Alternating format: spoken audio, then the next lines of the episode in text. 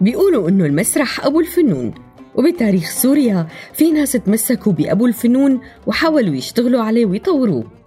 ومسرح الدمى أو مسرح العرايس هو واحد من أشكال المسرح الموجه للطفل.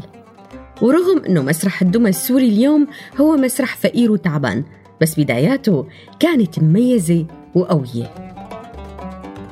هالبدايات كانت بالنص الثاني من سنة 1960 لما تأسست أول فرقة لمسرح العرايس بسوريا وأجابت مديرية الفنون بوزارة الثقافة بهداك الوقت ثلاثة من الخبراء اليوغسلاف بفن الدمى وعملت مسابقة لتنقي الأشخاص يلي بدهم يحركوا الدمى.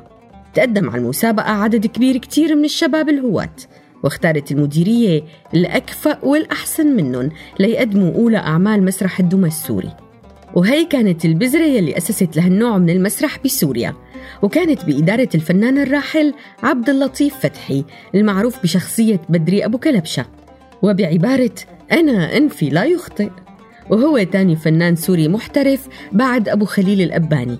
وهو يلي طور المسرح السوري ونقله من ناطق باللهجة المصرية لناطق باللهجة السورية. البداية الفعلية لمسرح العرايس كان أول عروضه بنيسان سنة 1961 بصالة التجهيز الأولى للبنات بمدرسة زكي الأرسوزي بدمشق. المسرحية الأولى كانت البطة ذات التاج الذهبي من تأليف كارنتوفا والمسرحية الثانية بيت الدببة الثلاثة تأليف فوميل رابدان وإخراج لتشيكي بوجو كوكوليا.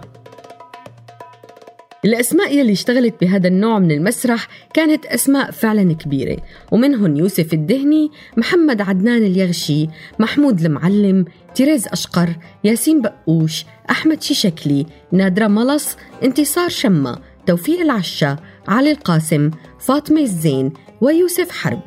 وهدول قدموا عدد كتير كبير من المسرحيات المبنية على النصوص المحلية والمقتبسة. واعتمدوا على أساليب جديدة ومتنوعة بتقنيات المسرح منها عرائس الكف، العصي، الأقنعة، الخيوط والدمى الكبيرة والمسرح الإيمائي يا ترى في معلومات فاتنا نخبركن إياها عن مسرح الدمى؟ إذا بتعرفوا معلومات تانية عن تاريخ هالمسرح بسوريا خبرونا إياها